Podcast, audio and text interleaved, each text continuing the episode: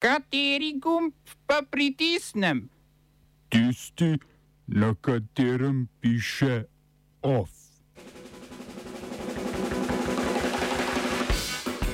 Voditelji Vajmarskega trikotnika si vojne z Rusijo ne želijo.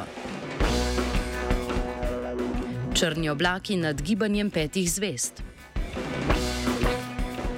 Pri perujskem predsedniku zaprisegel že četrti vladni kabinet v pol leta. Predsednik Pahor podpisal odlog o razpisu rednih volitev za 24. april. V Krofu strategija ukinjanja omejitev na Danskem. V kulturnih novicah delavnice uličnega nastopanja.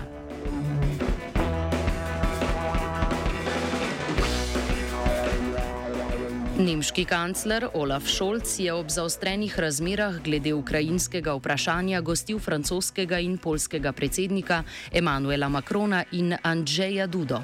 Voditelji tako imenovanega Vajmarskega trikotnika so v skupni izjavi pozvali Rusijo k začetku dialoga o varnosti na evropski celini in se zauzeli za ohranjanje suverenosti in ozemeljske celovitosti Ukrajine. Obenem so povdarili, da si vojne ne želijo.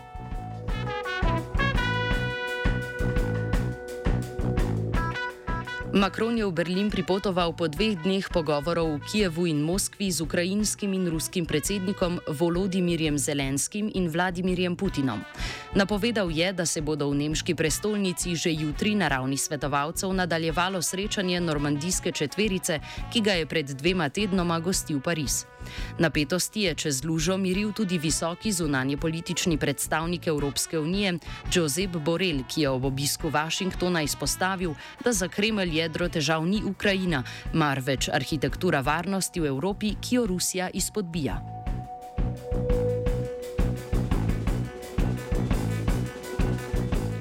Evropska komisija bo naslednji petek Polski od evropskih sredstev otegnila neplačano kazen, ki jo je septembra lani naložilo sodišče Evropske unije, ker država ni upoštevala odredbe o zaprtju rudnika Lignita Turov.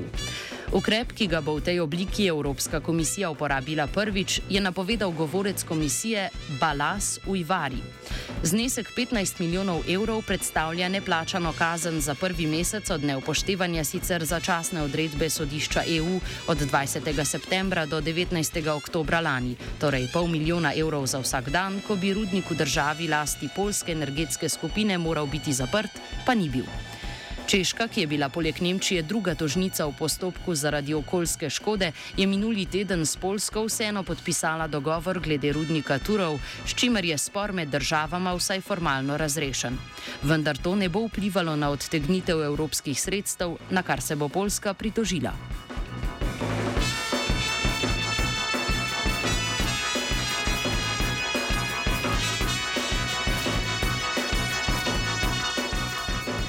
Tej državi medtem grozi, da bi lahko ostala brez še večje denarne vsote. Sodišče EU je lani oktobra Polski namreč naložilo plačilo dnevne kazni milijon evrov, ker vlada Mateuša Moravjeckega kljub drugačnim napovedim še ni upoštevala začasne uredbe in ukinila kontroverzne disciplinske zbornice Vrhovnega sodišča.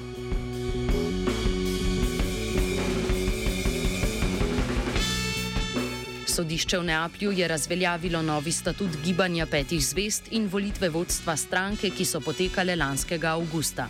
Na njih je bil za predsednika izvoljen nekdani premijer Giuseppe Conte, vendar nezakonito, kot je odločilo sodišče po pritožbi več članov, ki niso imeli volilne pravice. Pritožniki so izpodbijali pogoj, da na volitvah lahko sodelujejo le člani, ki so bili v gibanju več kot šest mesecev. Conte je zaplet, ki še dodatno krha odnose v največji italijanski vladni vladni in parlamentarni stranki označil za formalizem. Dejal je, da želijo stati na položaju predsednika gibanja in da že načrtujejo spremembo statuta. Po javnomnenjskih raziskavah se je podpora gibanju petih zvest od leta 2018, ko je na parlamentarnih volitvah dobilo 32 odstotkov glasov, prepolovila. To je še počgalo boj za prevlado znotraj stranke med Kontejem in zunanjim ministrom Luigijem Dimajem. Ta je pred nekaj dnevi odstopil iz upravnega odbora stranke, ki jo je nekoč vodil. Nesoglasja med Kontejem in Dimajem oziroma strujama, ki jo podpirata, so se pokazala tudi ob volitvah predsednika republike, na katerih si je Konte prizadeval za izvolitev vodje italijanske varnostno-obveščevalne službe Elizabete Beloni, čemu je Dimajo nasprotoval.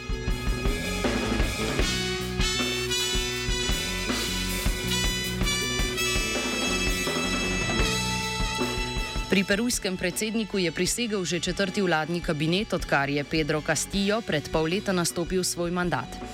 Anibal Torres, pravosodni minister v zadnjih treh vladah, bo na premjerskem položaju nasledil Hektorja Valera, ki je funkcijo opravljal vsega tri dni.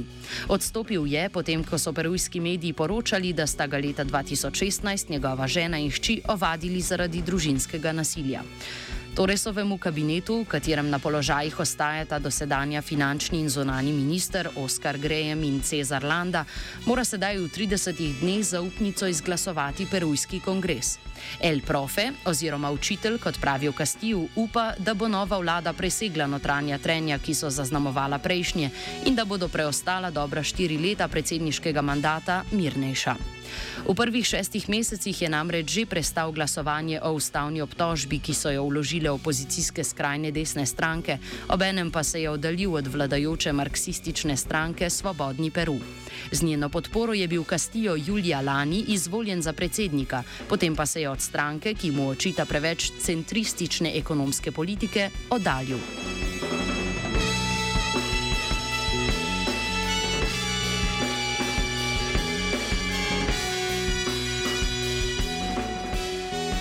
Prav ekonomske politike so botrovale protestu v še eni latinskoameriški državi. Več tisoč protestnikov iz približno 200 gibanj in združenj je zauzelo ulice argentinske prestolnice Buenos Aires, kjer so nasprotovali dogovoru, ki ga je konec januarja z mednarodnim denarnim skladom sklenil predsednik Alberto Fernandez. Dogovor ureja pogoje odplačevanja 38 milijard in pol evrov vrednega posojila, ki ga je leta 2018 najel takratni predsednik Mauricio Macri. Protestniki so opozorili na zgodovino med Argentino in IMF-om, kot se glasi kratica Mednarodnega denarnega sklada, čež da uči, da so vsi dogovori po letu 1983 državo pahnili v strukturne prilagoditve, hiperinflacijo in socialne krize. Od Fernandezove peronistične vlade zato zahtevajo dokaze, da bo tokrat drugače. Zadnji dogovor mora sicer ratificirati še kongres, v katerem koalicija peronistov in kirhenistov nima večine, razklani pa so tudi sami podporniki vlade.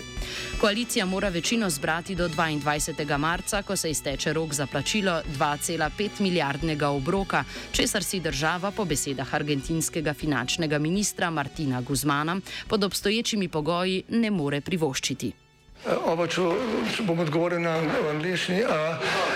Slovenija bo poskušala pomagati. Slovenija bo naredila naš utmost, da bo rekla, da je situacija naš problem, naš. In mi bomo naredili nadaljnje korake, as soon as the conditions are. Bomo vlado Marjana Cererera Šarca podprli.